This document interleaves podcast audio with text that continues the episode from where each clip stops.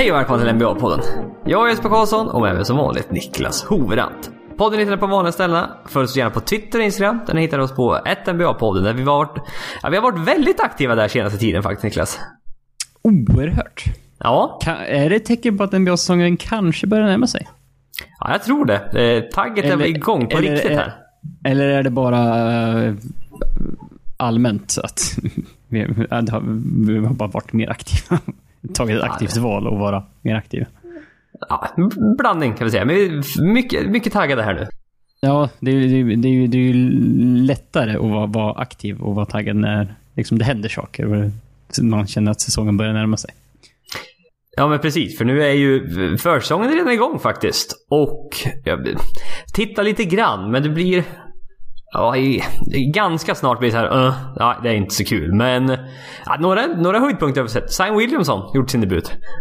Ja, det, det såg eh, lovande ut Ja, det gjorde det. kan man säga. Jävligt. oh, det ska bli kul. För den här, han såg ju lite småtjock ut i Summer League, men det, han såg fan vältränad ut nu igen alltså. Ja.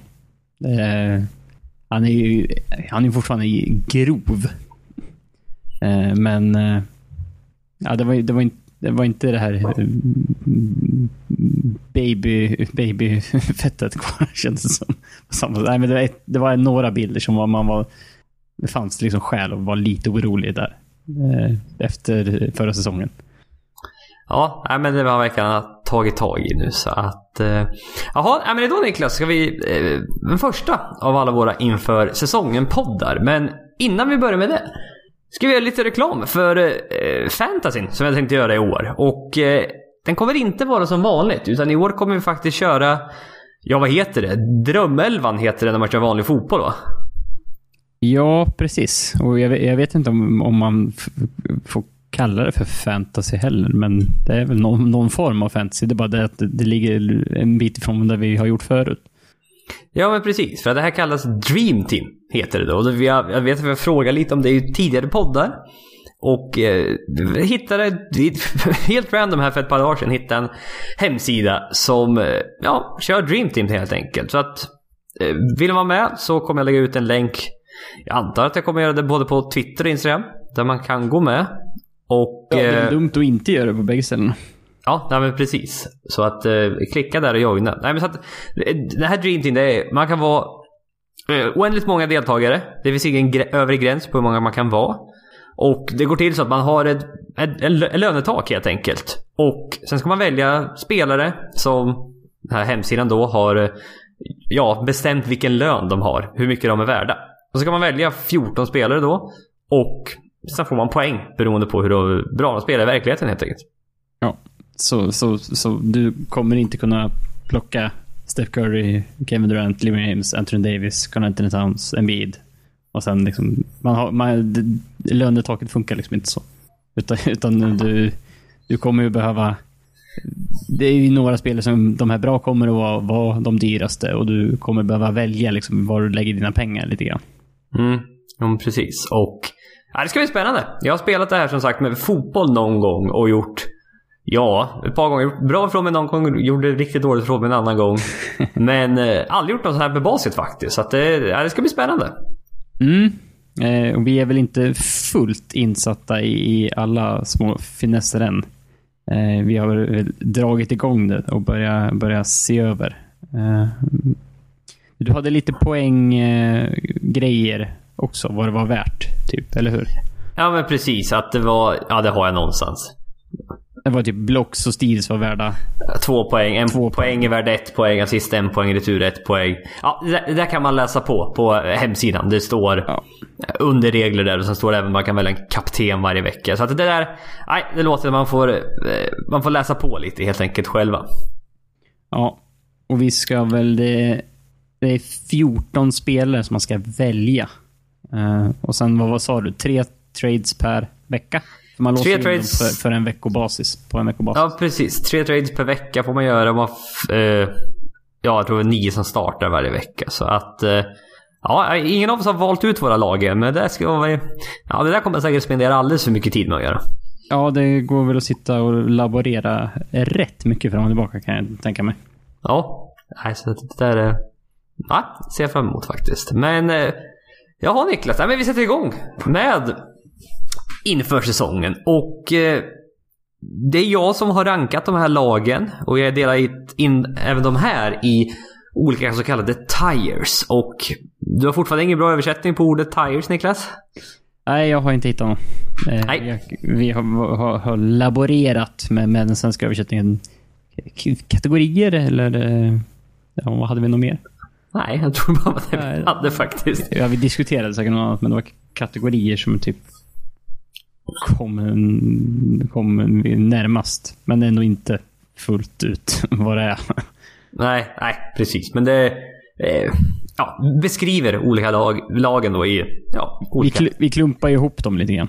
Ja, men precis. Och sen de är liknande lag. Och eh, ja, vi kommer göra det här i fyra olika poddar, hade vi tänkt. Och gå igenom ungefär en fjärdedel av lagen per varje podd. Vi börjar underifrån idag då, alltså de åtta sämsta lagen.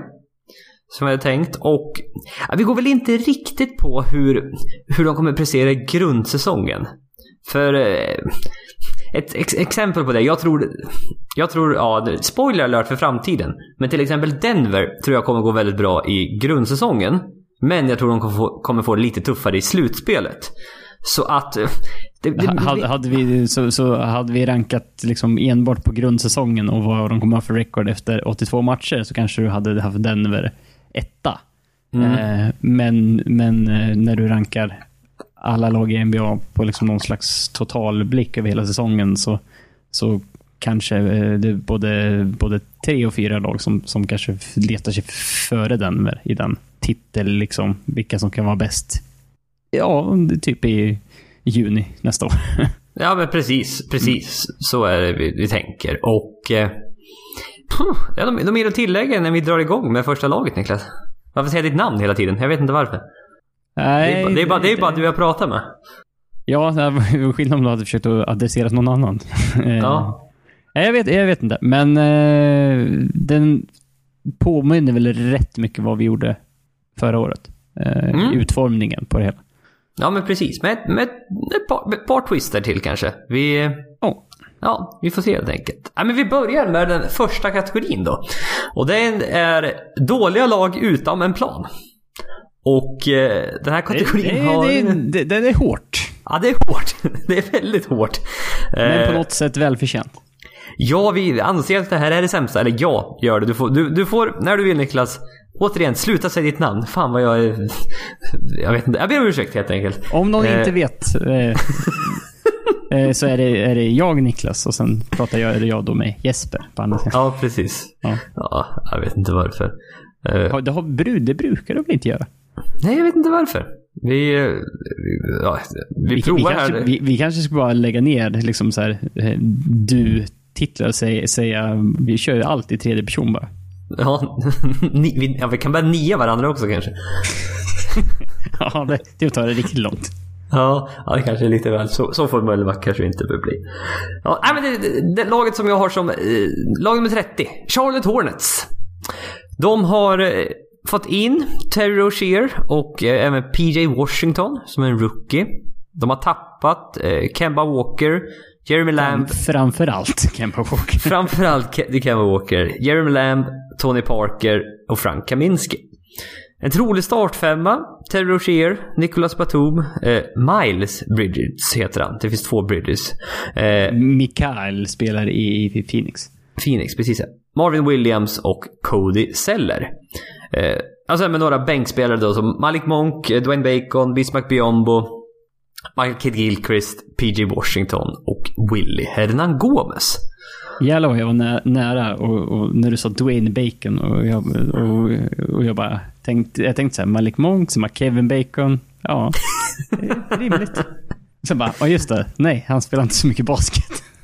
Nej, nej, inte vad jag vet i alla fall. Nej, Inte, eh, inte, inte på den här nivån i alla fall. nej, nej det, det, är, det är väl något vi kan garantera. Han, han har Mm. nog kanske sträckt baksida lår någon gång när han spelar amatörbasket någonstans. Det kan, det kan jag tänka mig. Ja. Eh, inte, inte så många NBA-matcher på sitt CV. Nej, inte vad vi vet i alla fall. Eh, nytt för det år vi hade tänkt lägga till. Jag prata lite om vilka styrkor och svagheter de här lagen har. Och eh, vi börjar med styrkor då med Charlotte Hornets. de har bra backup bigmen. De har både Biombo och William Henan Gomez. Det är ganska, ja, ganska, ganska stabilt ut på backup center-positionen i alla fall. Ja, så antingen väljer man att se det som en styrka att det finns många att välja på, eller så ser man som en svaghet att ja, det, det, är ingen, det är ingen som är tillräckligt bra för att liksom stå ut här. Nej precis, eller, så är det, eller att det är väldigt trångt. Det kan man, ja, också, man, man, kan, ja, du kan vända på allt.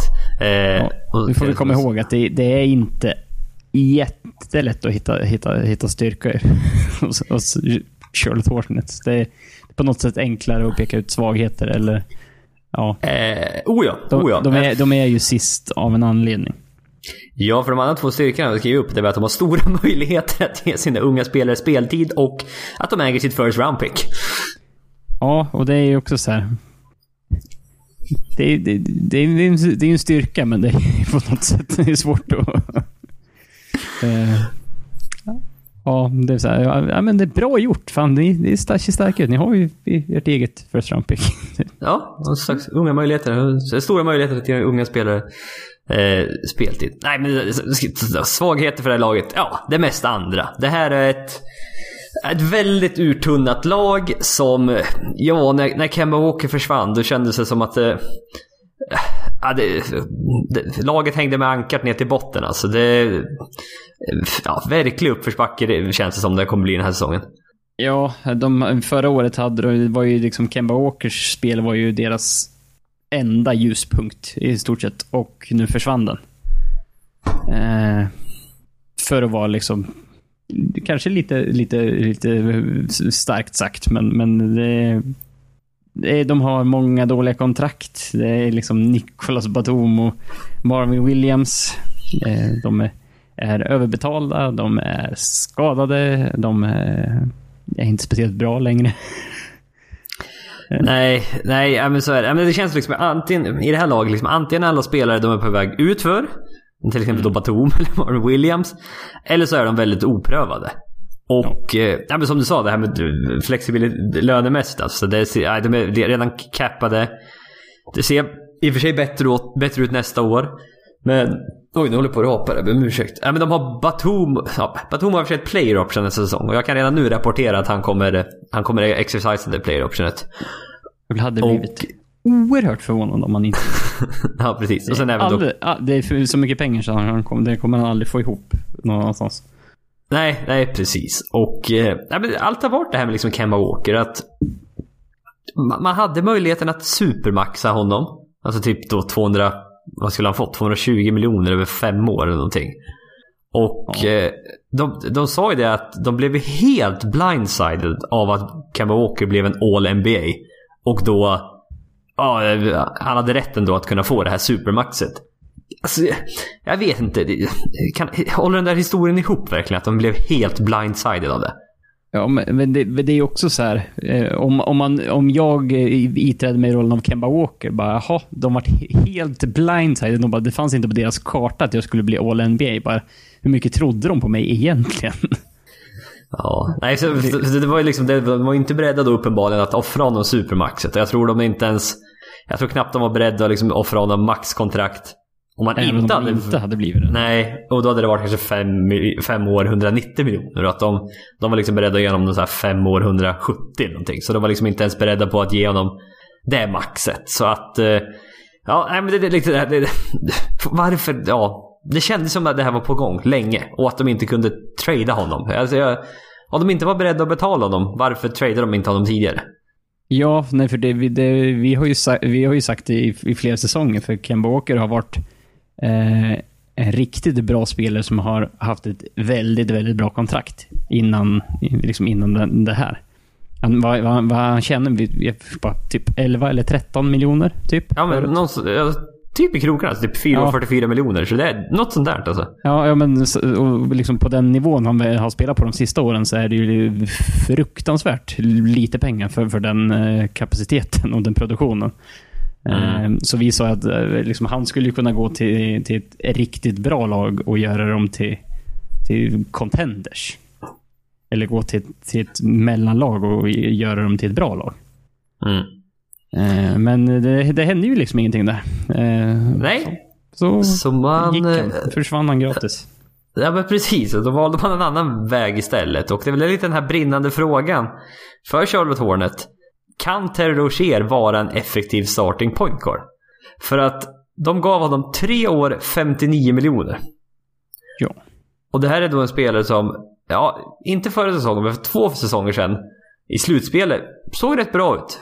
Kallades Scary Terry och det var liksom, ja, jo, men det här kan nog folk liksom, ja, men jag kan försöka trada till sig honom. Men förra året hade han det lite tufft. Snittade bara 9 poäng per match, sköt 39% från golvet och det var... Han klagade med speltid och helt plötsligt får han så här mycket betalt. Nej, det, ett, redan nu liksom kändes det som ja, det här var nog ett av de sämre kontrakten några lag har gett ut. Ja, det... Potentialen finns ju där. Eh, man ser ju... Alltså det, det påminner ju oerhört mycket om, om Eric Bledsoe. Eh, läget eh, känner jag. Eh, var backup i, i, backup i Clippers. Eh, ja, bakom då Chris Paul. Eh, ja. Så här, gjorde det jätte, hade jättebra per 36 minuters eh, stats. Eh, sen gick han till Phoenix och gick från att snitta liksom 8,5 poäng till 18 poäng. Eh, på liksom säsong till säsong. Mm. Hm. Och det här, det här känns ju som sagt, Rosé snittade 9 poäng förra året. Eh, ja, kan han snitta 18 poäng? Inte helt orimligt. Nej, det är det absolut inte med tanke på Ja, det, det, finns skott att ta i det här laget. Det gör det absolut. Och, ja, eh, minst sagt. Ja, det enda är väl då möjligt. Han har spelat fyra år. Eh, kanske...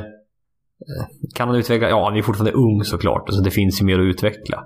Men... Eh, det är mycket pengar. Det var fortfarande något sätt tweet från någon jag såg. De sa, någon skrev 59 miljoner. Bara, Oj, jag tyckte 5,9 miljoner. Det var lite på gränsen. oh shit, ett kommatecken fel. Bara, jag bara, jaha. 59 sa du? Ja, ja. Mm. Nej. Nej men så att uh, det finns, uh, skott kommer det finnas att ta i det här laget. För att uh, en spännande stat med det här laget då är att Eh, så som det är konstruerat just nu snittade ingen mer än 10,1 poäng per match förra säsongen. Nej, och det är ju... Man, man, de måste... Säg, säg, att de skulle spela så här, en 12 rotations eh, under liksom grundsäsongen varav man brukar ha typ fyra, tre, fyra som snittar över 10 poäng kanske. Ja, jag antar väl att det är något sånt. Ja, och så då, då bara hmm, när de inte har någon under förra säsongen som snittar 10 poäng. Då är det så här, Terry Rozier kommer ju göra det. Ja, troligtvis ja. Så eh, är det väl, jag vet inte. Batum, ja, Bridges Batum, kanske. Om man, om man är skadefri. Bridges låg ju...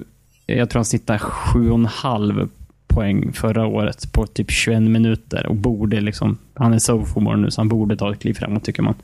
Jo, men det, det fanns lite potential. Och någon, mm. Malik Monk har det varit mycket... Det, var, det, har varit motsatsen till hype för honom nästan den här säsongen känns som. Det är liksom, många har liksom insett att han är undersized, han tar inte så bra beslut. Och, jag vet inte, vi, vi trodde ju på honom när han kom in där i ligan men det var lite segt här i början än så länge. Ja, men det finns ju fortfarande någon sån här Mm, liten tro på, på att ja, men i, i, i rätt situation, i rätt läge så skulle han väl kunna vara, liksom vara, en, vara en effektiv spelare. Men han, han, är, inte, han är fortfarande inte där än. Men jag, jag vet inte, om, på något sätt har jag inte skrivit bort honom helt. Nej, jag inte heller. Han spelade nog 73 matcher förra året. Liksom, och det var bara 9 poäng på match och 39 procent från golvet. Det var liksom en... Eh, han ska ju vara liksom en scorer. Lite, ja, men typ inte Jamal Crawford kanske, men liksom lite åt det hållet. Liksom en, en scoring burst off the bench. Men mm. äh, första två säsongerna här har det äh, lite segt. Men han är bara 20 fortfarande, så att äh, lite hopp finns väl där fortfarande. Ja, nej, jag, jag bedömer honom utifrån så här, om jag hade liksom läst på Twitter från Adrian Wojnarowski troligtvis att, att så här, i Clippers i Free hade plockat upp eh, Malik Monk för, för så här, en spottstyvel i pengar. Då hade jag mm. bara... Det hade varit så här, hmm, spännande.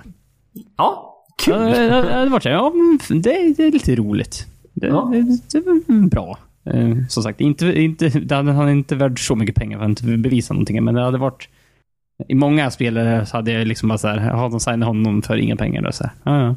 Mm, Ja. Det är väl det är liksom ingen reaktion, men, men Malcolm kan den bli så här, ja, ja det kul. Mm. Något mer att tillägga här på eh, Charlotte? Jag eh, ska vara helt ärlig. Kommer inte kolla många matcher med dem. Eh, nej. Eh, det kommer inte jag heller göra. Eh, om man inte nu plockar, plockar Terry Rozier i sitt eh, Dream Team eller i en fantasyliga och tror att han kommer snitta jättemycket. Oh, Det är det enda jag skulle kunna se att bra tips Niklas. Det där kan vara... ja, kanske, ja. Jag, kanske jag har sagt för mycket. Vi kanske har gjort. Du ska. Efter vi har spelat in den här podden tänker jag gå in och kolla på vad han är värd faktiskt. Eller vad han kostar i lön rättare sagt. Eller vad man säger. Nej, ja, Ja. eh, och Nej, och jag hur, hur det står sig till, till andra Ja. point guards i, i sammanhanget. Ja, mer, precis. Mer beprövade. Ja, men vi går vidare till det andra laget i kategorin då. Eh, dåliga lag utan en plan. Washington Wizards. De, eh, pff, det har hänt ganska mycket i det här laget faktiskt. De har fått in CJ Miles, Isaiah Thomas, eh, Rui Hachimura som de draftade som nummer nio tror jag. Davis Bertans, eh, Moritz Wagner, Admiral Schofield som de också draftade eh, i draften då. Ish Smith och Troy Brown. Man har tappat Trevor Risa, Thomas Satoransky, Dwight Howard, Jabari Parker och Bobby Portis. Eh, viktiga händelser här då är väl att Isaiah Thomas bröt nyligen tummen och är borta 6 till 8 veckor. Och eh, sen tidigare då point guard-positionen är ju då eh, John Wall borta hela säsongen. Jag såg till och med, det var inte bara en avsliten hälsena utan det var en kroniskt avsliten hälsena. Oj. vad, innebär det? Jag vet inte, men bra låter det inte. Kroniskt brukar vara ett väldigt dåligt tecken. Det är Ja. alltså for life. Ja, det låter ju inte... Chronic. Blir det kroniskt på svenska? Jag trodde det var det. Den kan inte vara avsliten för hela hans liv. det vore ju taskigt. Eh, ja, nej, jag, jag vet inte. Jag hade också översatt det till kroniskt och kroniskt Ja. betyder det kommer du få dras med hela livet. Ja, ja. ja troligtvis borta hela säsongen i alla fall. Ja. Mm. Eh, eh, jag är också bara reagerar på Admiral Schofield. Ett jävligt roligt namn. Ja, det är ett bra namn alltså. Ja, det låter ju som, som någon ställer sig i vakt, sätter upp liksom ho- honnör och sen säger yes. Yes, yes, Admiral. bara, yes, Admiral Schofield. Reporting Ja. for duty. Ja, det är ett riktigt bra namn faktiskt. Ja, Eh. det känns inte som ett förnamn med Admiral. Nej, någon har, varit, någon, någon har varit kreativ i alla fall. Eh, Ja, det- det, det, det- ska, de- det ska de verkligen ha. Har- En trolig har- start Har, ja, har, han förlåt. gått på, har han gått på, en, på militärskola eller? Jag håller en pappa möjligen. Ja, eller är, är han eh, den moderna eh, tidens eh, David Robinson? The Admiral. Ja, men han kallades bara The Admiral. Han här heter, Han heter faktiskt det. heter Admiral. Ja, nej, men, trolig startfemma då. Eh, Ish Smith så länge då. Eh, Så länge Isaiah Thomas är borta. Bradley Beal. Och, och kanske efter det också. Det är, vi, det är ju oerhört svårt att veta var Isaiah Thomas står. Ja, nej, men det är det absolut. Bradley Beal, Troy Brown, Rue Hachimura och Thomas Bryant. Eh, viktiga bänkspelare då. Eh, eh, City Miles, Davis Bertans, Ian Mahimny. Eh, fortfarande har kontrakt kvar med Washington då. Eh, Admiral Schofield och då eventuellt då Isaiah Thomas när han är tillbaka. Och ja, försöker försöka hitta någon styrka i det här laget. Det är väl att man har en potentiell All-star-spelare i Bradley Beal. Han är, han är kvar. För nu i alla fall. Ja, i, i, i, i pratande stund så, så, så är han kvar. Det är, väl inte, det är väl inte så mycket eh, aktiva rykten precis nu heller, men eh, det, det, det blir ju... Det, ju längre tid det går, desto svårare det måste vara för Washington att, att försöka liksom köra på det här som de, eh, de har haft. Att nej, men vi ska, vi ska vinna med Bradley Beal och John Wall. Det har ju inte fungerat och John Wall är ju långt ifrån tillbaka. Eh, kan man ju lugnt säga. Ja, om man ska betala John Wall för 42, i snitt 42 miljoner dollar per år de närmsta fyra åren. Mm. Och som sagt, just nu borta med en avsliten hälsena och det där vet vi är en tvåårsskada i vanliga fall. Så att... Ja, nej det här är... Det, det, det, det är det allt hänger på, liksom det här med Washington. För att tappar man Bradley Beal, ja då finns det fan inte mycket kvar i det här laget. Det är ganska, det är ganska tunt på så här unga liksom, potentiella stjärnor också i det här laget. Man draftade Rui Hachimura men mycket, så mycket mer än så tycker inte jag det riktigt är. Det, är visst, det finns några så här halvintressanta unga spelare men ingen Ja, säga att det inte finns någon Luka Doncic här, det är ju det är taskigt mot de flesta andra lag. Men ja, du förstår vad jag menar? Visst. Ja, och, och sen finns ju den här eh, lilla eh, Asterixen, eller lilla liksom så här, Rui Hachimura draftades, jag tror du sa nia. Ja, jag tror det. Eh, och jag tror det stämmer också. Eh, men det var också så här, var många som, som har så här, ja, rent talangmässigt så kanske han inte hade varit nia. Eh, utan man, han, det lag som draftade honom visste ju också att de fick en hel del liksom, intresse från Japan. Mm, han, är japan. Då, han är japan. Mm. Och då räknar man att, att det liksom skulle inbringa, så att det var li, lite av en sån ägargrej att plocka honom också. Ett litet bonus för, för tröjförsäljning och liksom allmänt så intresse i, i Japan som är såklart en väldigt stor marknad. Ja, men precis. Det finns väldigt mycket potential där. Mm. Och han såg väl okej okay ut i VM här i Summer League, vad jag, vad jag kommer ihåg i alla fall. Jag tror han missade ja. en del i VM i och för sig på grund av skada. Men ja, det är någonting i alla fall. Thomas Bryant eh, som kom lite från ingenstans förra året, snittade 18,2 poäng, 10,9 returer och 1,6 blocks per match per 36 minuter förra året. Mm. Och, ja. Vik, viktigt att, att, säga att per 36 minuter, det, det är den statsen, in, inte vad han faktiskt snittade. Nej, nej, så de här är lite ja, överblåsta. Uppblåsta ofta. Ja, men det är de också. De spelar mindre minuter. Men han fick ett nytt kontrakt, 3 år 25 miljoner. Och ja, men såg ändå ut som liksom, ja, men, helt okej okay startingcenter liksom i NBA. Det, man har hittat någonting där faktiskt. Men ja, ut, utom det så är det ganska... Ja, talangen är ganska svag i laget faktiskt. Ja, nej det är inte så många unga spelare. Ingen som har någon jättepotential. Eh, förutom de vi har nämnt eh, eventuellt då. Och sen är det rätt mycket sån här halv, halv veteranspelare som inte gör, bidrar med jättemycket. Uh, ingen som väcker några större rubriker och sånt. Det är väl typ Isaiah Thomas. Ja, som inte mm. riktigt vet vart, vart vi har längre. Liksom. Oerhört osäkert.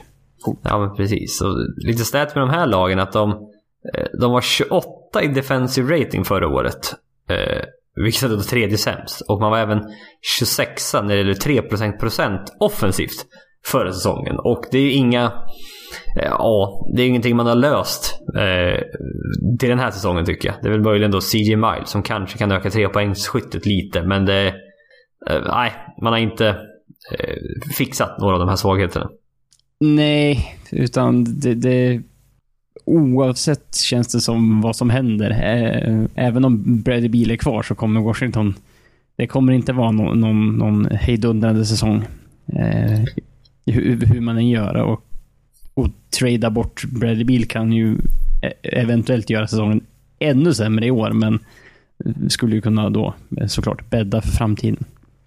Ja, precis. Ja, men det är därför vi har med de här. Liksom. De har ingen riktig plan. Vi vet inte vad de kommer göra. Kommer de försöka fortsätta på det här eller tradar man bort bil och liksom blow it up och börja om? Eller försöker börja om i alla fall. Och det är, liksom, det är den brinnande frågan med det här laget. Liksom, ska man försöka bygga på den här wall bilkombon som är ja, stort sett bara är bil just nu? Eller liksom, ska man blow it up? Och... Eh, nej, jag vet inte. Det är lite, lite synd om Bradley Beal. Jag gillar ju honom.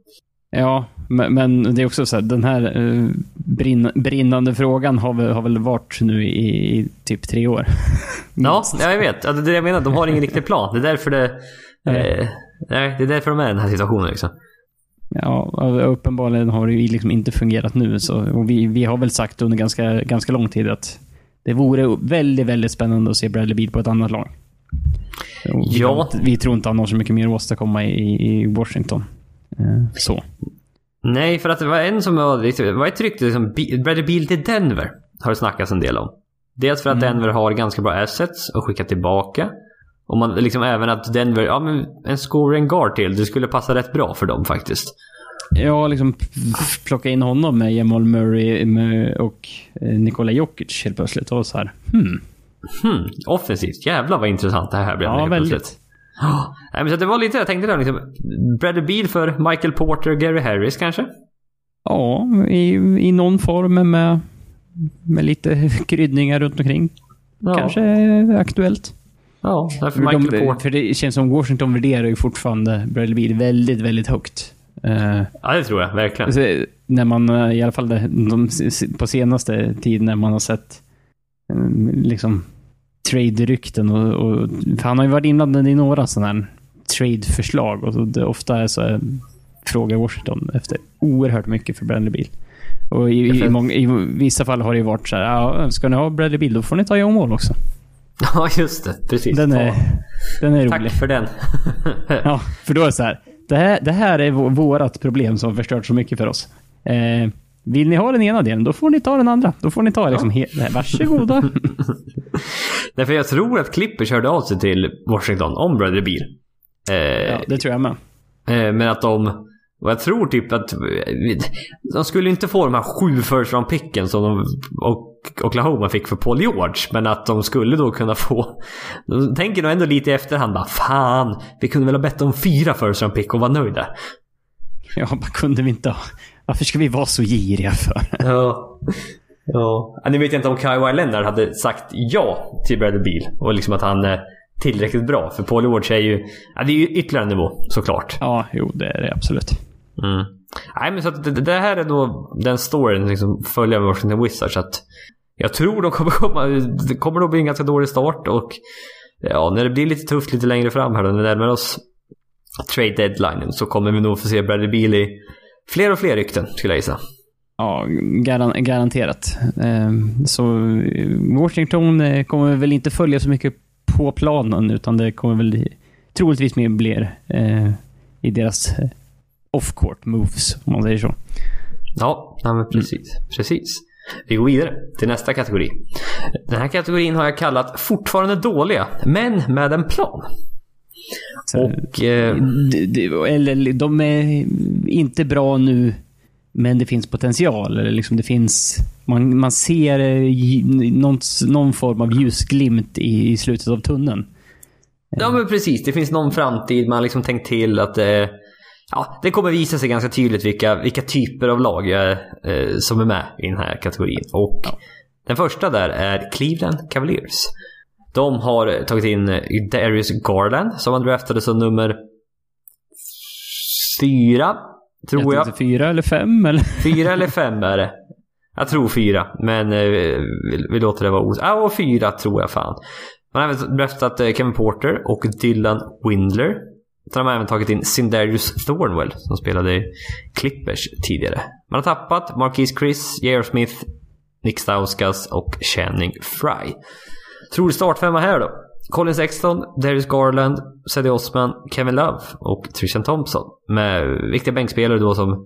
Jag höll på att säga Jeremy Clarkson, men det är, det är någon annan. uh, uh, Top Gear för er som har sett. Ja, inte ens det. Vad heter det nu? Det heter... Ja, nu, nu heter det... The Amazing Race? Nej, det är något annat. The Great... det, det, Grand Tour det, heter det. Grand Tour heter det. Ja, Amazing Race, det är väl re, resetävlingen typ på sexan som har gått i hundra år. Ja, som verkar så jävla riggat när man tittar på det nu i efterhand. Men, ja. eh, jag vet inte, det var, det var ett program som gick, gick inte det typ innan eller efter Simpsons på typ sexan. Ja, och kan tiden. tänka mig det. Man har, man har sett det i tablån ganska många gånger. Eh, ja. Nu, det kanske inte går längre, jag har ingen aning. Men vem kollar på, på linjär tv idag? Så? Ja, jag kommer ihåg det, jag bara tänkte sexan, jag har inte en sexa. Men jag, det var länge sedan jag kollade på sexan överlag. För att vill man titta på någonting, ja då finns det, finns streaming-sajter idag. Ja. Eh, istället. Men... Eh, ja, nej, precis. Viktiga bänkspelare. Jordan Clarkson heter den. Matthew Devedova, Brandon Knight, Lernance, Ante Cisic, ja, Kevin Porter Jr. Och eh, ja, styrkan och liksom snacket kring det här laget är ju backcourten såklart. Den eh, unga, talangfull, talangfulla backcourten med då Colin Sexton och eh, Darius Garland. Ja. Eh, det är ju deras... Eh, alltså de har ju egentligen... när, man, när man bara tittar på det så det är ju det är fyra spel som är typ värda att, prata om. Och det är ju 16 Garland, eh, sen är det ju Osman som är fortfarande relativt ung och, och lite av i alla fall någon, har, har någon form av framtidstro. Eh, och sen är det ju liksom, vad, vad händer med Kevin Love? Resten är ju så jäkla anonymt egentligen. Det är bara så här, det, det, är namn som alla känner igen, eh, men som ingen riktigt tror på. Nej, det är väl inte det riktigt. Man liksom, man har kvar Christian Thompson, uh, Jordan Clarkson såklart, som kan fortfarande scora lite off the bench. Knight.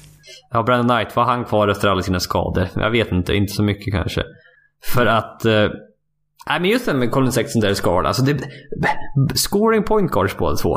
Uh, Darius Garland spelade typ bara fem matcher på college. Men gjorde det väldigt bra då. Så att, uh, uppenbarligen, uh, uppenbarligen väldigt bra eftersom Cleveland draftade honom så högt. Men...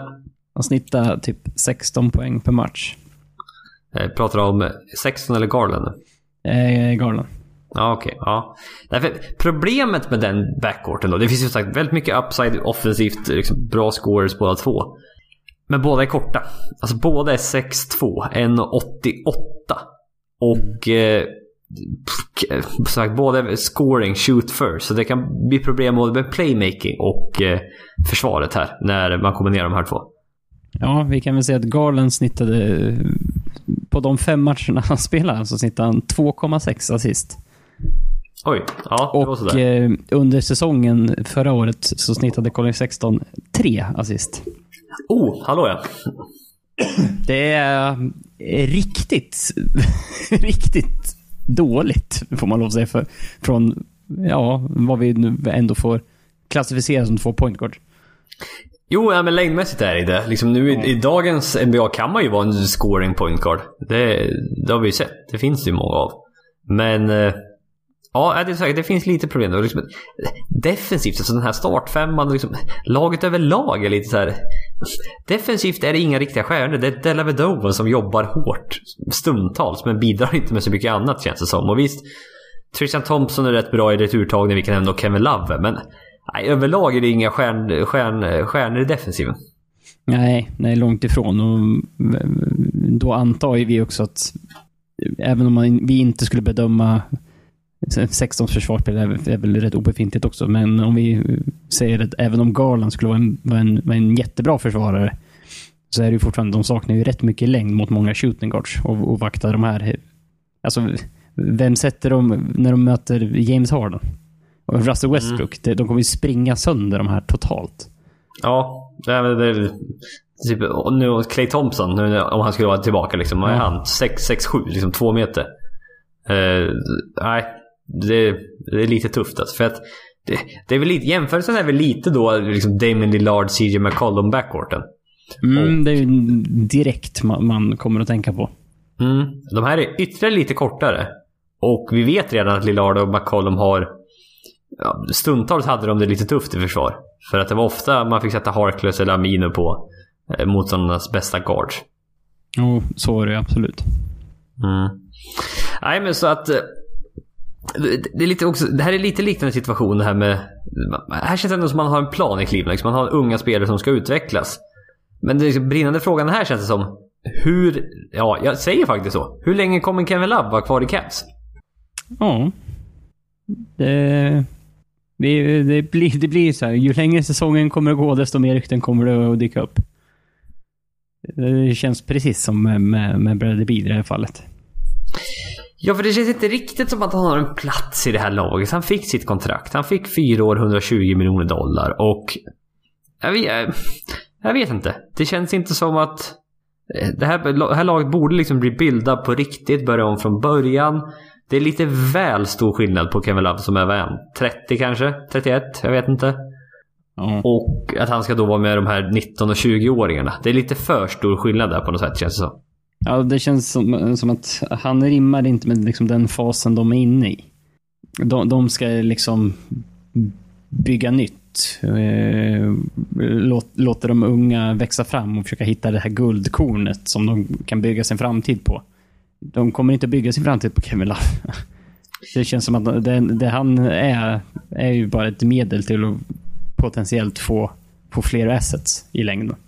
Jo, nej men precis. Och eh, Eh, han hade skadeproblem förra året, vilket drar ner, drar ner hans eh, eh värde lite då kanske. vet jag, kan man vara hel liksom? Det känns lite överlag att det har varit lite eh, skademässigt lite problem med det här laget överlag.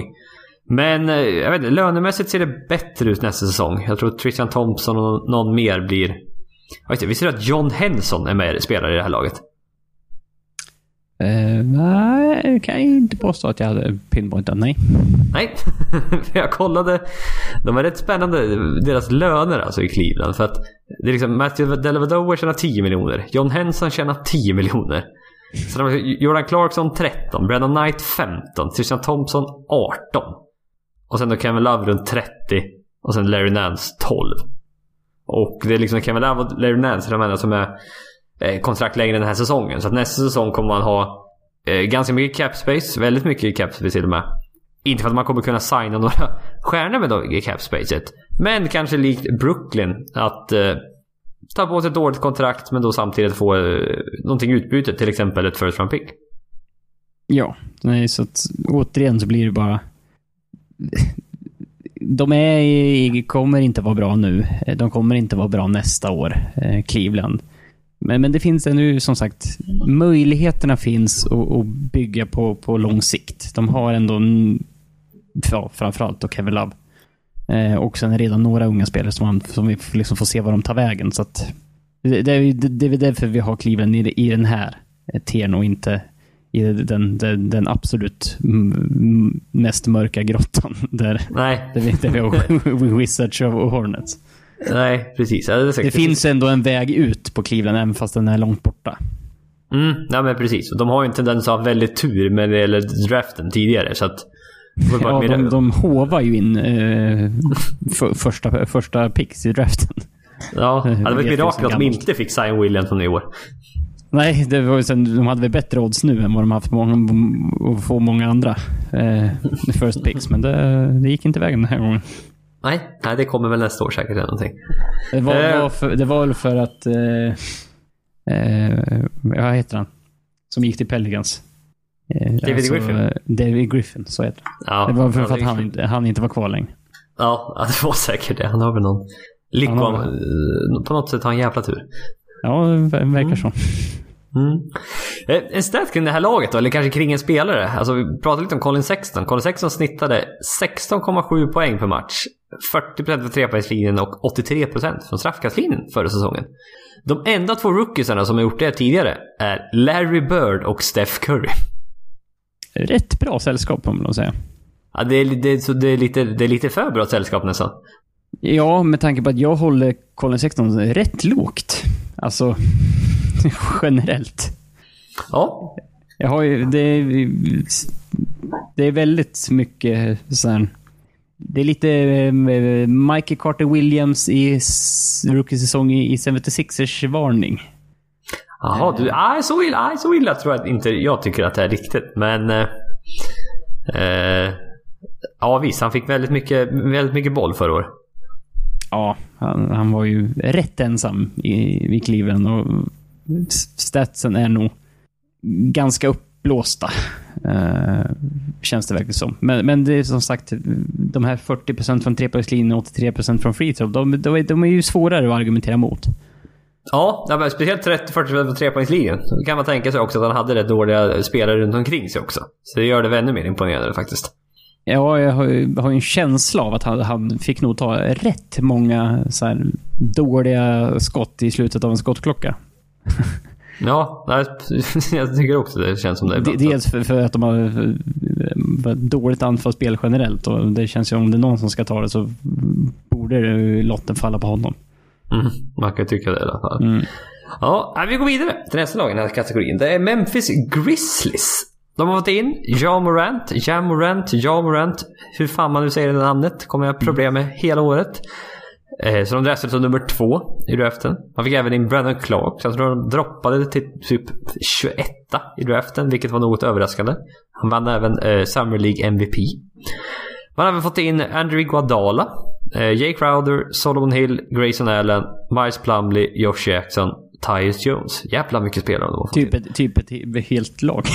Ja, ja, det har hänt väldigt mycket här. Eh, tappat, man har tappat Mike Conley såklart. Har även tappat Chandler Parsons, Dillon Wright och Avery Bradley. Eh, Marcasol, Ma- Marcasol tappade de ju redan förra året.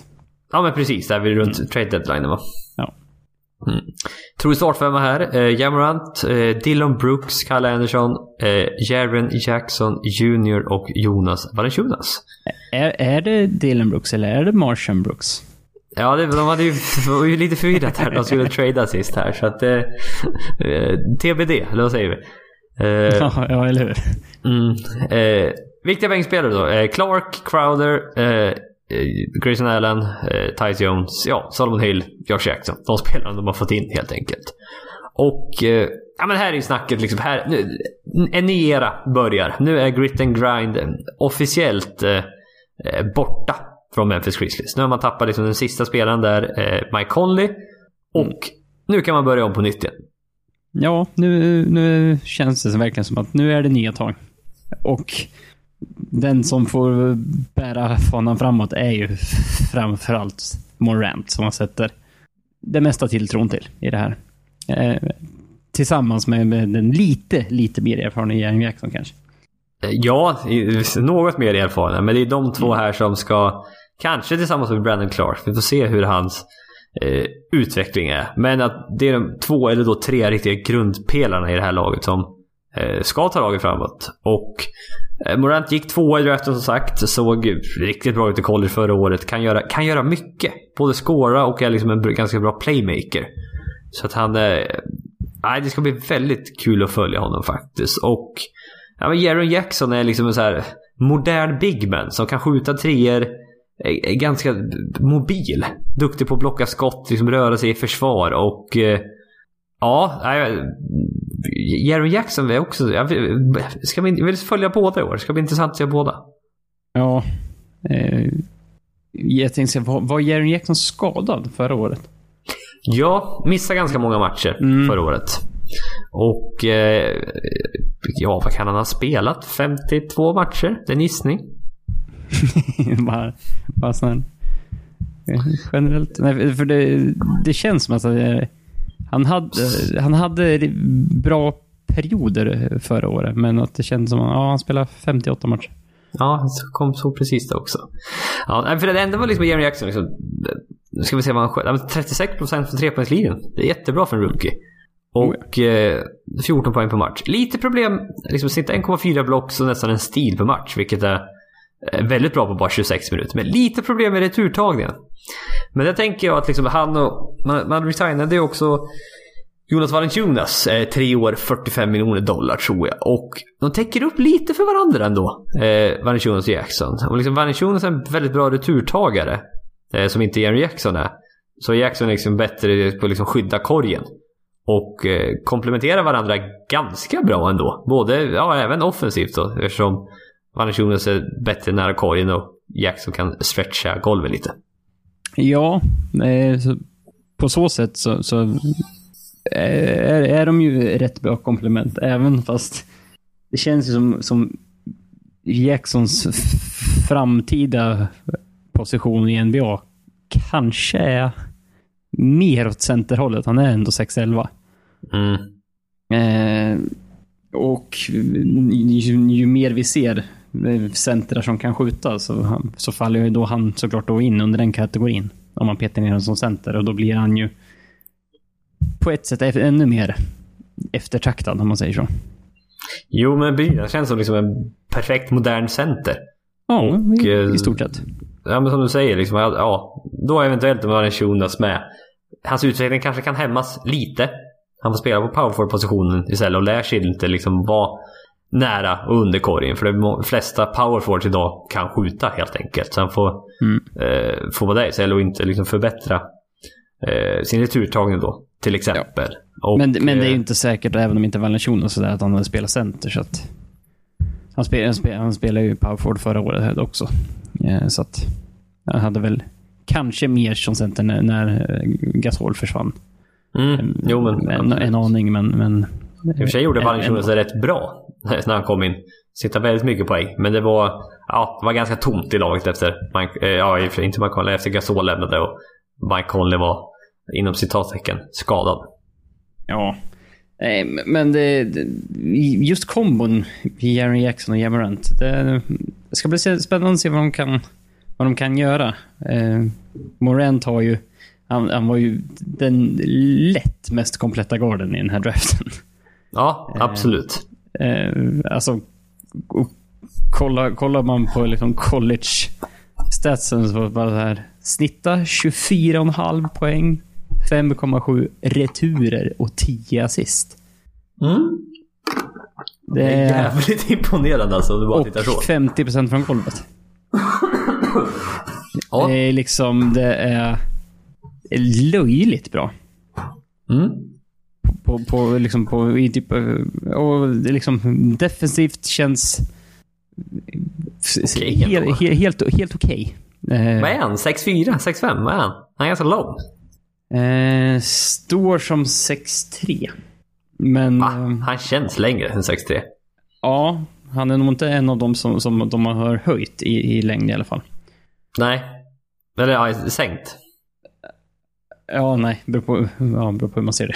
Ja, jo, ja jag tänker så. Ja, nu får vi se där. Ja, nej, men, eh, med svag, det, är ganska lätt att hitta svagheter i det här laget. Liksom, de bästa spelarna är fortfarande liksom väldigt unga, oprövade. Det finns eh, en del att hämta där. Det finns inte så många creators i det här laget egentligen, förutom Morant och ja, Valenciunas eventuellt från posten. Det ser ganska tunt ut där. Mm. Alltså, trepoängsskyttet var dåligt förra året. Man var 27 i liksom antal treor gjorda och 25 i trepoängsprocent. Och det finns väl en risk att det är, det är något liknande även i år. Ja, så mycket har du inte kommit in för att, för att göra så mycket utav. Det är kanske lite mer... De hade ju Mike Conley förra och det borde inte bli bättre spelfördelning med sist. Eh, och Morant kommer inte tjacka upp treor. Den, den, Nej, där, precis. Den, han är inte den typen av spelare. Nej, men visst man får in Jay Crowder som är okej okay, trepoängsskytt. Grayson Dalen. Kanske. Får vi se. Och, Visar sig. Eh, ja, men precis. Och de är även sist eh, när det gäller pace förra året. De spelade långsammast förra året och även då ja, det översätter, ja i alla fall i det här fallet, att de gjorde minst eh, poäng per match förra säsongen. Så att det var... De har alltid varit här grit and grind. De är duktiga defensivt. Och kan nog fortsatt vara ganska, helt okej okay defensivt tror jag. Det tror jag absolut. Brandon Clark eh, som dressar är också ganska, ganska bra försvarare. Så att det är ju som sagt här framtiden. Försöka utveckla eh, Morant och Jackson så att det är liksom bra offensiv. Troligtvis kommer man få ett högt draft pick i år igen. Och eh, eh kanske få in ytterligare någon creator i laget. Så att nej, framtiden Memphis, ja den, blev, den såg lite mörk ut. Men nu ser den väldigt ljus ut helt plötsligt. Mm, ja, det, det, det, finns klara, klara ljuspunkter och eh, den här pacen, man får ju hoppas att det liksom inte eh, sitter eh, i, i väggarna inne på i Memphis-kontoret, eh, liksom, i associationen, så att det liksom jag tycker eh, den här pacen borde kunna dras upp en hel del. Och det är ju kanske ytterligare också ett Eh, om du tänker dig att sätta in Gary Jackson och spela honom som center, då, då känns det som att då kan du få upp pacen rätt mycket om du liksom får ut Valenciunas. För han känns väl som ankaret i det här. Ja, precis. Och även möjligen få ut då Kyle Slowmo Anderson. ja, han är lite... Uh, ja, det, det, är ett bra smeknamn. ja, det är det. Jag, jag, jag, skulle inte vilja kalla så, men... Uh, Nej. Det är ett bra smeknamn, det är det. Ja, jag, jag, jag, skulle ju jämföra honom med, med en, en, kamrat till oss som vi spelade handboll med för länge sedan. Vad sa du? Skulle du jämföra med en kamrat?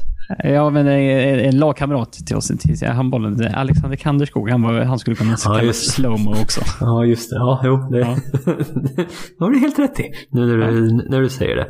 Det, det säger, ju ingenting till, till någon annan, men... men eh, Nej, men jag, jag tyckte, jag tyckte det var kul. Jag tyckte det var kul. Det var en bra liknelse för, för ja, oss. Ja, jag, förstår, jag förstår precis vad du menar. Ja, men ja, ja, det var ju, ja, ja vi, hade kul, vi, vi hade kul i alla fall. Ja, men det är så här, li, lite eh, ja, men lite mjuk i rörelserna, lite sådär. Det är ingen acceleration riktigt. Som, det händer inte så mycket, men det kan ändå han- få till det rätt bra. Sådär. Han, han deaccelererar när han springer upp Ja. på banan.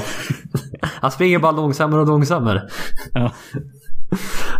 Ja, en brinnande fråga med det här laget då. Eh, också liknande de här lagen vi haft tidigare. Vad hände med Andrew Iguodala?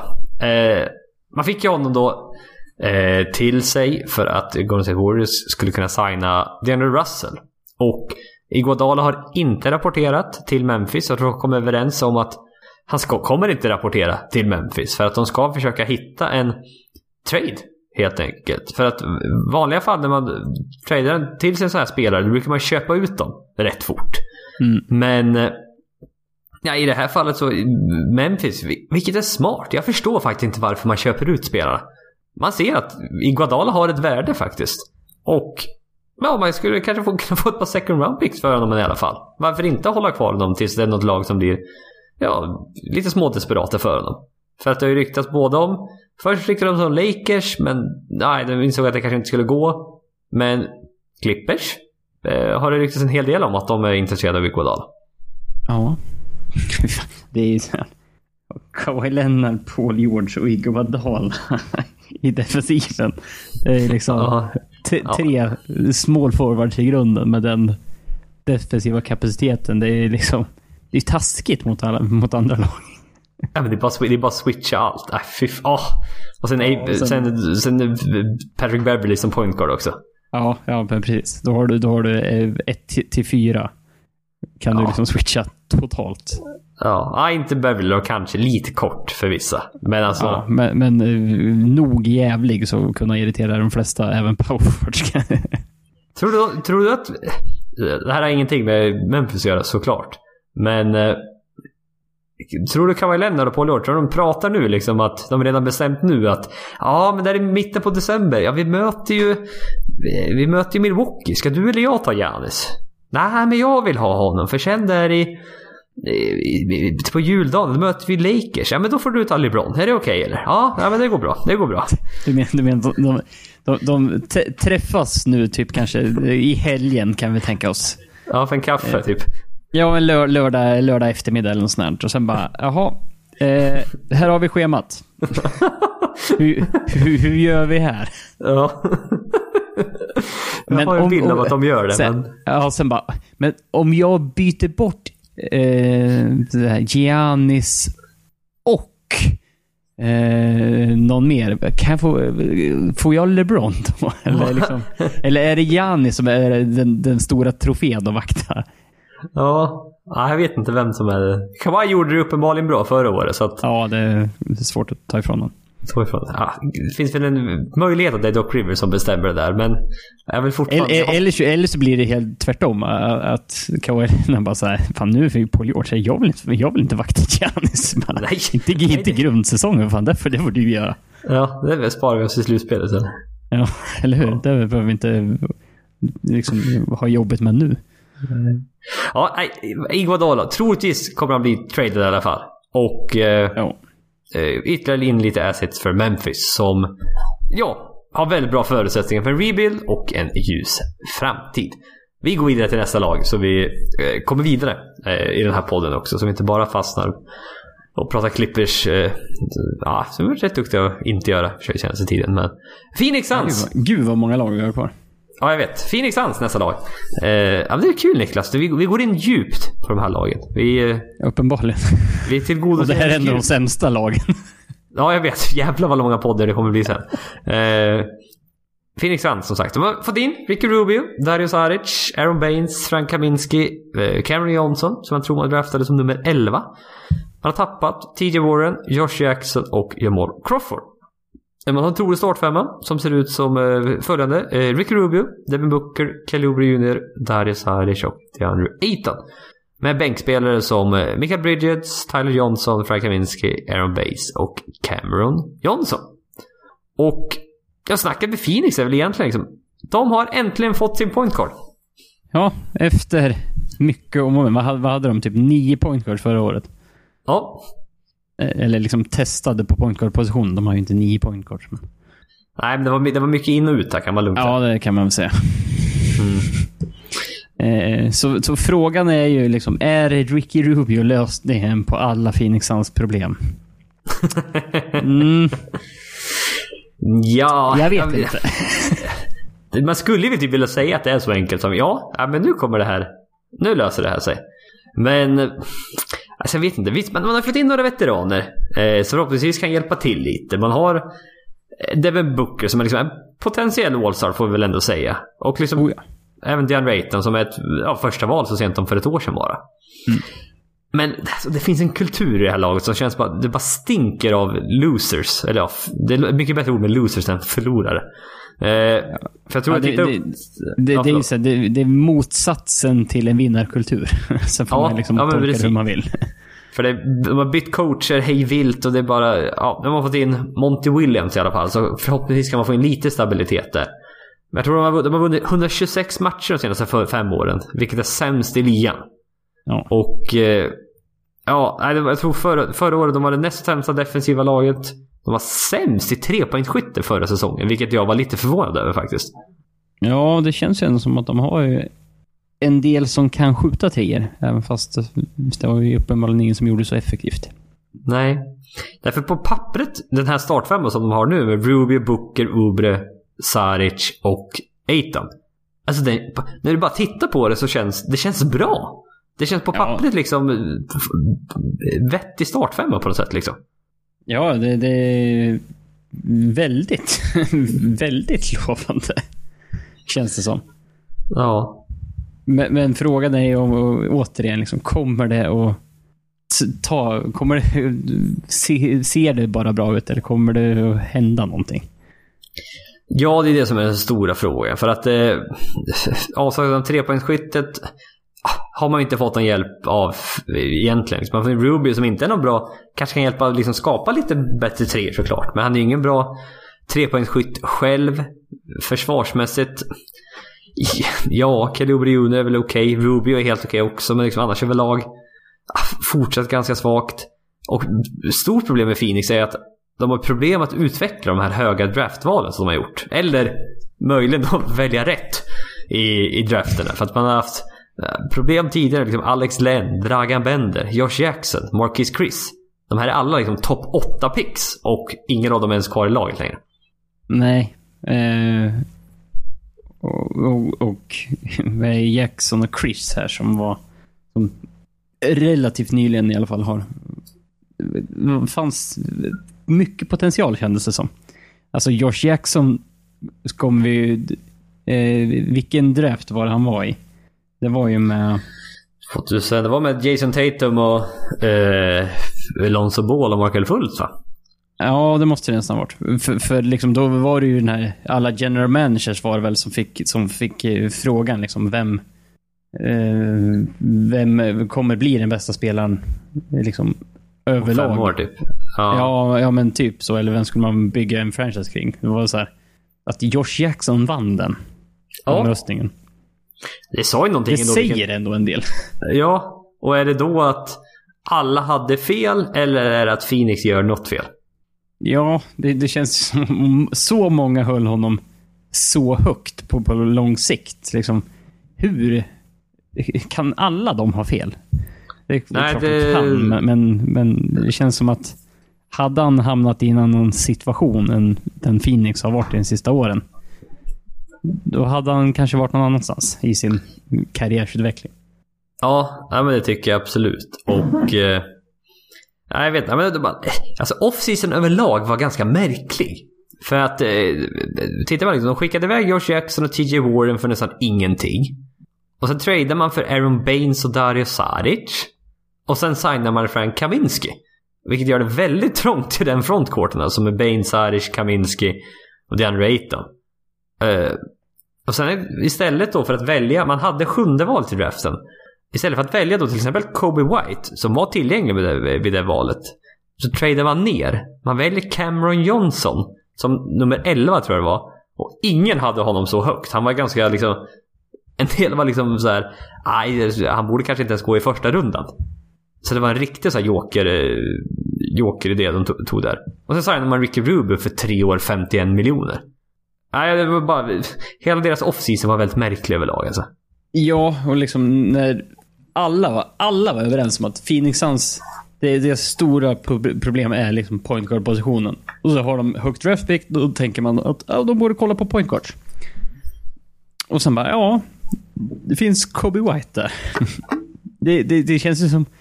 Det är ju bara så rimligt att välja honom där. Mm. Och bara, ja, här, kan, här har vi en point guard som, som skulle kunna vara, vara det vi behöver i framtiden. Vi, vi, vi ger honom chansen att utvecklas tillsammans med våra andra unga spelare. Ja, nej, det, det kändes, kändes lite desperat. Gjorde det. Och... Ja, det är ju eh, å, återigen det här att försöka ruscha sig till att vara bra nu. Ja, men har man Även varit så vi- dålig vi, de tror, senaste... vi, vi tror att de inte kommer lyckas ändå, även med de här. Nej, nej precis. Har man varit så dålig... Men visst, har man varit så dålig de senaste fem åren med den här taktiken, då tröttnar man väl till slut kanske. Ja, nej, men det har vi ju sett. Det, det är många sådana här oförklarliga att bara, varför försökte ni trada till er... Ja, förlåt.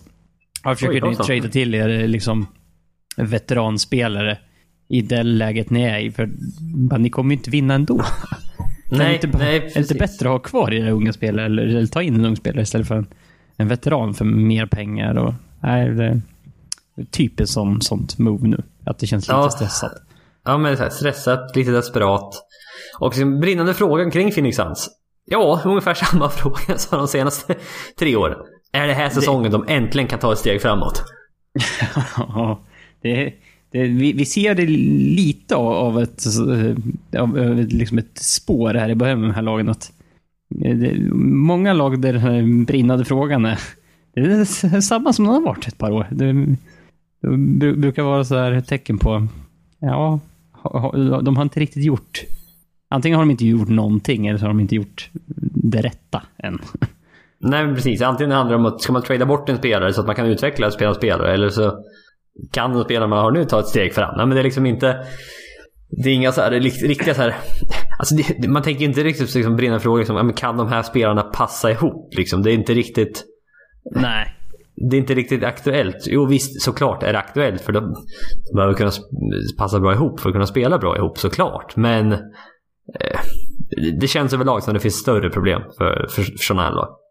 Ja, definitivt. Och bra på pappret, återigen, men ha- hade jag inte liksom sett någonting på NBA och inte sett någonting genom åren och sen bara sett namnen. Jag var så här. Ja, men det här skulle vi typ kunna gå till slutspel. Eh, sen tar man liksom in att de spelar väst. Då bara, nej just det. Eh, det, det blir ju tufft förstås. Mm. Eh, och sen bara att de hade ett bra lag på pappret redan förra året och det gick käpprätt åt helvete för, för att vara brutalt ärlig. Så att eh, de här Ja, spelarna som de har pl- plockat in känns inte som att de kommer göra den stora skillnaden. Nej, precis. Nej, men liksom, överlag, det finns lite mer talang i det här laget än vad vi gjorde förra året, men som sagt, i ett väldigt tufft väst så är det... Ja, nej, det är inte säkert att det betyder så mycket faktiskt. För att Nej. i år är det ojämnare än... Ja, förra året kändes det jämnt. Jämnare i alla fall mellan väst och öst. Men i år är det återigen fruktansvärt ojämnt. Väst är hästlängder bättre än vad öst är. Ja, så är det. Mm. Mycket, mycket, mycket, mycket djupare. Och mycket högre Ja. kvalitet på de lagen som liksom i, i liksom slutspel. Om man säger topp 8 Mm. i konferensen. Ja, ja. Gud ja. Gud ja. Vi går vidare till nästa lag. Som är... Hur är det med dig? Lever du? Ja, jag, jag vet inte. Nej, Knappt. får... knappt. Eh, kämpa på. För att nu ska vi prata om New York Knicks. Som är Yippee. ett... eh, Ja, det, det är ett... Ja, fan mer, mer så det här året än någon gång annat. Och det är väl typ för att de har tagit in Ari Barrett. Ja, alltså Nix är ett spännande lag. Väldigt spännande lag. Det ja, deras offseason kan man prata mycket om. De har, de har fått in Ardage Barrett. Så de har även fått in en drös av power forwards. Julius Randall, Bobby Portis, Ty Gibson och Marcus Morris. Och sen har man även tagit in Wayne Ellington. Man har tappat Emmanuel Mudiay, DeAndre Jordan, Mario Hesonja och Noah Vonley. Rolig startfemma eh, ser ut som eh, Dennis Smith, R.J. Barrett, Kevin Knox, Julius Randle och Mitchell Robinson. Med ett eh, antal bänkspelare som eh, Marcus Morris, eh, Bobby Portis, Wayne Ellington, som jag nämnt tidigare. Eh, Alfred Payton har man även tagit in och eh, Reggie Bullock har man fan också tagit in. Mycket spelare man har tagit in. Och sen även då Frank Nilikina. Och eh, ja, eh, det här var ju... Det här var ju sommaren Nick skulle ta in alla sina eh, stora stjärnor. Men nej, så blev det, inte. Då hette, de, då hette de Kyrie Irving och Kevin Durant. Då hette de inte Julius Randle. Och, och eh, ja, Elfrid Payton. Nej, precis. Det var kul att eh, typ general managern här under media där gick ut och sa Nej men det här var precis den offseason vi ville ha. Vi fick in exakt de spelarna vi ville ha. och alla bara ja. Vi ville inte ens ge Kevin Durant ett maxkontrakt. Nej. Kyrie Irving. Ah, vem vill ha en flat earther i laget? Uh, nej, skitsnack kan man väl lugnt säga. Ja, lite av en efterhandskonstruktion. Mm. Nej, så att det här... Det är ett eh, väldigt spännande lag. Det är ett, som du sa, överflöd av power forwards. Och... Eh, eh, ganska djupt lag, det ska de ha. Eh, det finns mycket att välja på. De har tog in en del veteraner som kan hjälpa de yngre spelarna då. Till exempel RG Barrett som gick som trea i draften. Och eh, som även då är en styrka, kan det även vara en svaghet. Kommer de här veteranerna sno minuter från de unga spelarna? Eller ja, hur tänker, vad heter han? Eh, Fisdale, eh, coachen i New York. Fisdale. Ja, det är... Eh, det är ju alltid så här, Barrett borde vara så pass hypad att han borde få mycket speltid. ja. Och han spelar ju som tur är shooting guard och inte power Nej. Eh, så är det ju. Men sen är det ju den här Kevin Knox, Julius Randle, Mitchell. Det, det, det, är väl de man egentligen tror på. Men Marcus Morris, han, han får alltid mycket minuter. Ja, även fast han inte förtjänar det kanske. Nej, men, men han, här, han kommer att plocka minuter. Det är jag helt övertygad om.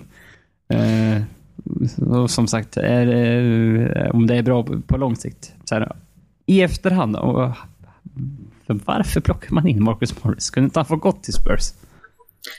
Ja, jag vet inte, för det är liksom, man signar massa spelare på tvåårskontrakt. Eh, helt enkelt. Eh, alla ska vara, man ska ha flexibilitet inför sommaren 2021 som kan vara Ja, kan bli en av de galnaste somrarna faktiskt. Då är liksom Kyle Leonard, LeBron James, Giannis, Paul George. Fan, halva ligan är free agents då liksom. Ja, ungefär. Ja. Så Men det är framförallt Giannis som är, blir den. Ja, absolut. Eh, så är det. Och vet inte om han kommer vara kvar. Liksom, för att eh, Nix uppenbarligen är inte en free agent destination längre. Jag vet att Kevin Durant sa i en intervju här liksom, att Nix är inte coola längre. Alltså det är liksom inget... Eh, they're not cool. Det låter mycket bättre på eh, engelska. Coola låter nästan larvigt när du säger på svenska. Ja, ja lite. Ja, nej men ja. Hippa. Nej, jag skojar bara. eh, Försök inte rädda upp det här. Nej, okej. Okay. Ge upp. Eh, de är inte det längre för att de, liksom, de har varit dåliga de senaste 20 åren. Och man har ingen respekt för dem längre. Bara och det är vi... Ja, återigen. Försök inte rädda upp det. Eh, Nej, men så, och de här unga spelarna, det är den enda bilden de har av Nix eh, numera. Att de, liksom, de kommer bara... De kommer inte ihåg när de var liksom det här liksom tuffa laget på 90-talet. Och liksom det var en riktig destination, Nix. Det, så är det inte längre. Nej, hon, liksom, det känns som att Madison Square Garden har eh, tappat den... dels skrämselfaktorn för lag att åka dit. Eh, eh, men också liksom den här betydelsen av att ha den arenan och den stämningen. Som det, för den, den, det är liksom, det är, en arena räcker inte. Det måste ju hända något på plan också. Ja men så är det. För att mm. så dock typ att det är nästan alltid fullsatt på deras matcher. De lyckas på något sätt. Alltså det, de har traditionen uppe kring fansen. De har bland de bästa fansen fortfarande. Ja, så är det. Eh, I Nix. Men eh, sagt, spelarna känner inte så riktigt längre. Och eh, Ja, men vi får se här vad, vad som händer lite. Liksom, kommer de gå igenom en riktig rebuild här med R.J. Barrett som är en otroligt talangfull spelare. Jag tror stenhårt på honom alltså. Eh, Kevin Knox, stundtals såg det bra ut förra året. Jag avvaktar lite med honom fortfarande. Dennis Smith har jag lite svårt för eh, stundtals. Vet inte riktigt om han kan bli någon riktigt bra spelare. Men så jag vet, jag vet inte liksom, de kommer gå, försöka gå igenom typ, typ lite som Clippers gjorde. Liksom, man visar upp sig här ett par år. Vad som, att man kan bygga en bra grund med rollspelare. Och så på så sätt kanske locka till sig Free Agents 2021. Eller vad, vad, vad tror du? Ja, för, för man måste väl göra någonting. Eh, man kan inte förlita sig på att vi är New York, vi är en stor marknad, hit vill Fradens gå. För som du sa tidigare så, eh, ja, det är uppenbarligen inte så. Nej. Så någonting måste de ju göra och det, det här är väl någon form av eh, väg att gå, men då, sen kan vi inte, vi ställer oss ju kanske inte bakom alla, alla beslut de har tagit, men de har åtminstone många, många relativt unga spelare som är spännande att se var, var de kommer ta vägen. Liksom. Mm. Hela startfemman är ju egentligen, eftersom Julius Rand hade en så pass bra år, säsong förra året. Sen som sagt, Dennis Smith, Ari Barrett, Kevin Knox och Mitchell Robinson är all, alla spännande. Mm. Kan bli väldigt bra. Ja, men så det finns liksom någon... Det, det finns ändå liksom en ung, ung core här att bygga på. Nu valde man ju att trada bort eh, Porzingis. Och man har Dallas 2021-pick, tror jag det Och eh, som sagt, man vet aldrig vad som kan hända här riktigt. Det kan bli... Med lite flyt kan det picket bli bra, man vet aldrig. Troligtvis inte. Men... Eh, eh, får vi se, som sagt, helt enkelt. Som sagt, det intressanta brinnande frågan här. Liksom, hur kommer Fizdale att hantera rotationen? Jag är mm. lite orolig att det är just för att det är Nix, det är James Dolan som ägare, att han vill ha vinster istället för att bygga på de unga spelarna som de kanske borde göra. Ja, lite så att... Det är så här... Tash Gibson får han många minuter blir man, då man bara nej, nej, nej. Nej, då har ni gjort fel på något sätt. Han ska inte ha många minuter. Nej, Tash Gibson skulle kunna få minuter och spela på ha en väldigt specifik roll i, i, i, ett rätt bra lag som behöver just det han kan vara bra på. Men det, är, det ska inte vara ett lag som ska bygga inför framtiden. Han, ska, han har ingen där att göra. Nej, jag vet inte. Nej, men kanske en bra veteran presence för de yngre spelarna. Jag är det enda jag kan tänka. Riktigt ja, som, nej, men som sagt. Han behöver inte vara på planen, men han kan vara i omklädningsrum. Och ja, han, ja, men precis. precis. Mm. Eh, lite kul att staten kring det här laget, stat är väl att ta i, men R.J. Barrett är det första topp tre valet eh, Nix har haft sedan Patrick Ewing 1985. Ja, det känns ju jävligt länge sedan, om man måste säga. Ja, men alltså, de har Nix aldrig, de har riktigt aldrig de har aldrig tänkat fullt ut känns det som. De har alltid varit... Porzingis valde man väl... Ja, Porzingis valde man väl i och för sig som nummer fyra. Men... Eh, ja, nej, man har aldrig varit här riktigt rebuildat på riktigt. Det har alltid varit... Ja, för sig, visst kommer det till Staudimeyer, då försökte man Men annars har det varit lite så halv... Halv... Eh, halv försök till att rebuilda. Så att nu får vi se här hur, eh, hur säsongen kommer gå. Det här känns det ändå... Nix kommer ändå titta in ett par matcher. Det är, bara, det är ett spännande lag att titta på bara. Mm. Det, det är det. Eh, framförallt då. Horry Barrett är den som drar de flesta blickarna mot. Ja, absolut. Absolut. Alright, nästa kategori. Det är två lag och det är de två sista lagen vi ska gå igenom i den här podcasten. Och den kategorin kallar vi Med flit så är de slutspans... Med flit är de slutspelskandidater i det svaga öst. Och eh, ja, med det menar väl, har, har de flyt och allt går som det... Om det går riktigt bra och det går mindre bra för några andra lag så liksom, finns det en möjlighet att de kan kampa som en, ett åttonde sid. Men vi ja, det, tror inte att de gör det. Nej, för det, det, det, känns som att, att bägge de här lagen i den här kategorin är så att eh, högt, högt i tak, Eh, men också relativt eh, liksom, eh, lågt golv, om vi säger så.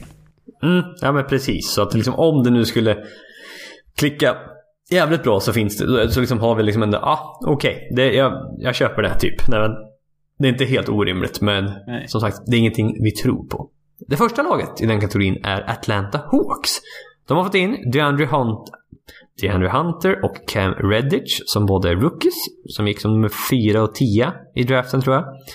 Man har även fått in ett par riktigt bra kontrakt här. Chandler Parsons, Emma Turner, Alan Crabb. Och sen även då Jabari Parker. Man har ja, tappat... Oh, man, man, ser, man ser ju någon form av så här. Kan det vara så att de har tagit på sig lite dåliga kontrakt? Den här off Ja, man hade, ja, man hade inga spelare att betala så man plockade in dem så ja, ja men då kan vi få lite ett par pix för det eller någonting. Så då... Ja, eh, det, det, tydligt att de hade Ja. alldeles för lite i lön. Ja, nej, men precis. Vi, vi kan ta på oss de här lönerna så får vi, får vi någonting för det också. Man har tappat eh, Dwayne Edmond, man har tappat Kent Bazemore, man har tappat Torian Prince och även Miles Plumley. Och en trolig startfemma för Atlanta Hawks då. Eh, Trae Young, Kevin Herter, DeAndre Hunter, John Collins och Alex Len. Bänkspelare då, eh, Evan Turner, Cam Redditch, Vince Carter sista säsongen. Eh, Jabari Parker, eh, Damon Jones om man plockar in. Sen DeAndre Bembry och då ja, Alan Crabb som jag nämnde tidigare. Och ja, det, alltså det här laget det handlar ju egentligen Känns det som liksom, man ska ta med sig andra halvan av förra säsongen med Trey Young och John Collins. För att Trey Young såg riktigt bra ut eh, under den andra halvan av förra säsongen. Det hade han. Mm. Det, det var Luka Doncic fram till januari, februari. Eh, i, i, I rookie-racet. Och sen så kom Trae Young och gjorde det spännande till slut. Ja, jag tror han tittar så snittar han 23 poäng per match och 9 assist sista 39 matcherna. Det är jävligt imponerande. Ja, det är nästan en halv säsong. Ja. Ja, det, ja I precis. stort sett en halv säsong. Ja. Och ja, idag får man nästan säga att det är en halv säsong, eller? Ja, ja. Med tanke på hur lite, lite folk spelar. Ja. ja, nej, så det är ju... Ja, det är mer än vad jag... Vi visste ju att han hade högt tak, Trae Young, eh, när vi pratade om honom inför förra säsongen, men... Eh, förvånansvärt li- li- lite av de bottennapp vi trodde han skulle ha. Och han var väldigt stabil på den här nivån framförallt och i, i, i sista halvan av säsongen. Jo, men Han precis. Han, Häftig att se på stundtals. ja, skjuter på, eh, djupa treor alltså ibland så att det eh, står härliga till alltså. Och även eh, John Collins såg riktigt bra ut förra året på power forward-positionen. Och alltså på pappret, liksom, den här startfemman passar rätt bra ihop. Alltså liksom det, man har allt man behöver på något sätt. Och på något sätt även långsiktigt känns det som det gör det också. Nu när man fått in eh, Cam Reddish och DeAndre Hunter. Alltså det kan bli... Eh, det, alltså, som sagt, jag tror inte riktigt kanske på dem i år. Det är lite tidigt fortfarande för att de har haft problem med turnovers, de har problem i defensiven, vilket ofta är tecken på att det är liksom... eh, Ja, det är ett ungt lag vi har att jobba med här. Ja, typ, typiska stats för det. Ja. Och eh, jag tror även att ja, de hade till och med de snittade flest turnovers per match förra året. De gav upp tredje flest trepoängare. Jag tror de även gav bort mycket poäng in the paint. Så liksom de gav, de gav upp poäng liksom överallt på, på planen. Så att ja, liksom Kevin Hur eh, DeAndre Hunter kan absolut hjälpa till med den här defensiven. Och eh, ja, vet- Trae Young, liksom, kan- han utvecklas och bli en stjärna? Eller vad, vad tror du? Vad är, vad, vad är taket på honom? Ja, det är ju det är a- assvårt att säga. Eh, han var ju eh, för liten. Eh, han, han Ja. var för klen. Och- men ja, han har ju gjort det jävligt bra med de verktygen han har. Och det är så lätt på något sätt att försöka jämföra med Steph Curry, men också dumt på många sätt. Ja, För, för, då, för, då är det, det är ju... Steph Curry är ju väldigt, väldigt, väldigt, väldigt speciell. Ja, nej men det, är- det, det är taskigt såklart mot Trae Young, men visst, Ja. drag finns det. Det gör det. Det, det, Det- gör det absolut. Det, ska man faktiskt inte blunda för. Och eh, jag jag tror den här säsongen kommer bli något av en... Eh, alltså återigen, där, man kommer försöka fortsätta bygga. Det kommer nog vara lite tufft stundtals. Det tror jag. För det, nu har man sagt fått in ett par unga spelare till. Johnny Hunter Cam Redditch. Man valde högt i draften. Eh, Cam Redditch Ja, man hade ju topp tre. Duke hade ju 1, 2, 3 där i draften. Men Reddish såg stundtals lite, do, eh, ja, lite ointresserad ut. Inte så bra skytte ibland där under säsongen på Duke. Men ändå tionde pick. Ja, det, why not? Eh, ta någon som liksom kom ut som eh, rankad trea från high school. Då finns, det ju, abs- då finns det ju en potential där. Så jag, det picket gillar jag verkligen. Ja, nej, och det är alltså... Det är ju... Det, är ett, det är ett spännande lag när man, när man liksom så här, när man bara kollar, kollar startfemman och då är inte Cam Reddish med. Det är så här, Trae sophomore. Huerter, sophomore. Hunter, eh, rookie. Collins, säsong tre då. Ja, precis. Och sen, och sen eh, Reddish som, som eh, en, ytterligare en rookie off the bench. Det är så här, det känns som att de här, eh, visst de har ju tagit in de här Evan Turner och, och Chandler Parsons och Ellen Crabber, men det, det är ju fortfarande... Här här känns det som att man har prioriteringarna rätt på något sätt. Att de, de här unga spelarna kommer att få minuter. Det är de som går först i ledet. Precis. Mm. Och det är Och det en- som gör, gör att de är o, det blir oerhört spännande att titta på de här också. För man, man vill liksom hänga med och på något sätt se utvecklingen av de här unga spelarna. Ja men så är det. Och som du säger, att få, få in ett par veteraner här i laget, det är alltid bra för dem. Att lära sig de här rutinerna, hur det går till och hur man ska göra, hur man ska träna och så vidare och så vidare. Och... Eh, nej, superspännande lag. Alltså jag tror ju, väldigt ljus framtid. Och som du säger, de har gjort det här rätt. Och nej, det ska bli, det ska bli kul att följa. Mm. Så vi bara... Vi är, de är inte där än, men, men framtiden ser väldigt, väldigt ljus ut. Mm. Låt det gå ett par år så kommer det nog vara ett slutspelslag det här. Det tror jag. Det tror jag absolut. För liksom ändå, ändå om nu någon av de här rookiesarna inte skulle man inte skulle pricka rätt med någon av de här unga spelarna. Det finns liksom det, det finns så mycket att ta av ändå. Så man måste ju pricka rätt med någon mer än eh, både Young och Collins känns det som. Ja, ja, ja någon, någon av de här bo- borde eh, bli liksom... eh, Det behöver inte bli en, bli en all-star. Eh, men liksom att de har sin färdiga liksom trea i, i Young Collins och nu en av de här andra unga spelarna. Så då har man ju väldigt, väldigt mycket att bygga på om man har den, en, en bra trio så. Mm, precis. Ja, vi går vidare till det andra laget i den här kategorin och eh, sista laget för den här eh, podcasten. Nämligen Chicago Bulls. Man har fått in Padres Young, Thomas Atranski och då även Kobe White. Eh, som de draftade, som vi pratade om tidigare. Man har tappat Robin Lopez. Eh, ja, mycket mer än så har det faktiskt inte hänt. Eh, trolig startfemma här är eh, Thomas Atranski, Zach Lavine, Otto Porter Jr, Lauri Markkanen och Wendell Carter. Viktiga bänkspelare då Chris Dunn, Kobe White, eh, Denzel Valentine och Thaddeus Young. Och ytterligare ett lag som är så när du tittar på startfemman, liksom på pappret att oh, det här ser ju bra ut. Mm. Och det gör... Det kan nog vara rätt bra också. Eh, om den här på pappret startfemman även är på planen. Ja, Eh, när, när det väl kommer till kritan. Eh, det har inte riktigt varit, varit, varit fallet om man tittar på, på förra året. Och även om det var innan det i och för sig.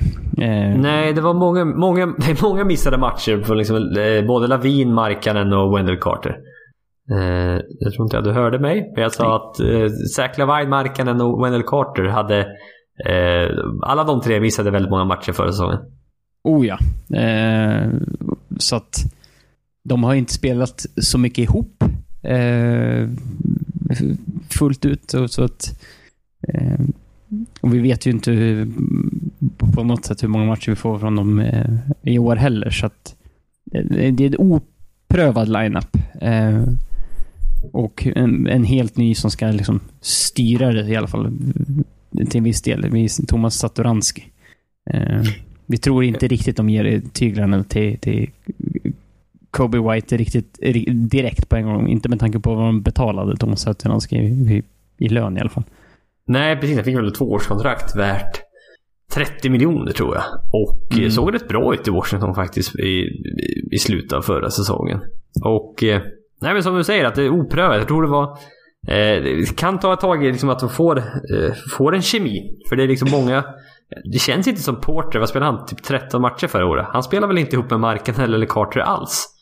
Och, Nej, det var eh, svårt att tro. och sen peta in Satoransky där och sen Lavin också. För att jag tror när de få minuterna som Carter och Markkanen spelade ihop. När de var på planen tillsammans så hade Chicago en minus 13,7 net rating. Vilket, eh, ja, inte bra kan man lugnt säga. Allt som är Nej, negativt nej. är, är, är dåligt där. Så att... Eh, det, det är väl det som gör att det finns en del frågetecken här. Men eh, jag vet inte, på pappret så Markkanen och Carter borde passa rätt bra ihop ändå. Markkanen är liksom en, en lite mer outside, lite mer shooting, lite, lite mer finess. Medan liksom Wendell Carter är mer liksom en inside presence, han är bra på returtagning. Och eh, ja, Carter, liksom, jag tror han sköt närmare 40% eh, från trepoängslinjen när han spelade på college. Och liksom, kan han komma med det också nu och liksom eh, ge lite utrymme för de andra spelarna eh, så är ju det bara en bonus. Ja, eh, och Lavin vet vi ju. Är, är han på plan eh, och i det här laget så kommer han att snitta mycket. Han kommer göra mycket poäng. Eh, Otto Porter är också en sån där. Det är en, det är en, det är en, det är en väldigt bra rollspelare i NBA eh, i grunden.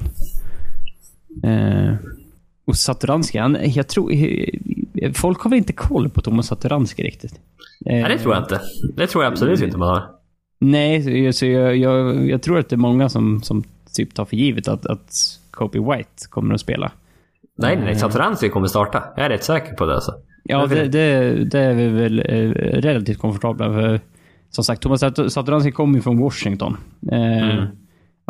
Och Washington har väl inte varit så mediaföljt sista tiden, men det, det, det, är ju ingen, inte vilken point guard som helst. Där. Han har ju någonting som, som sticker ut ganska mycket och det är ju hans längd.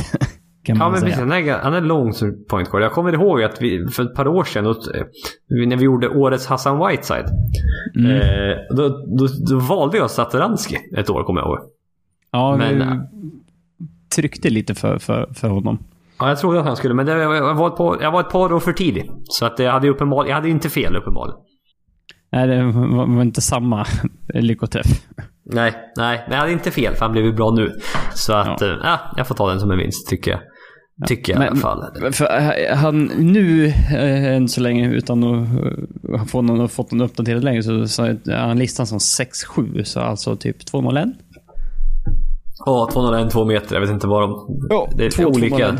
Ja, precis. Var, var, beroende på vad man är.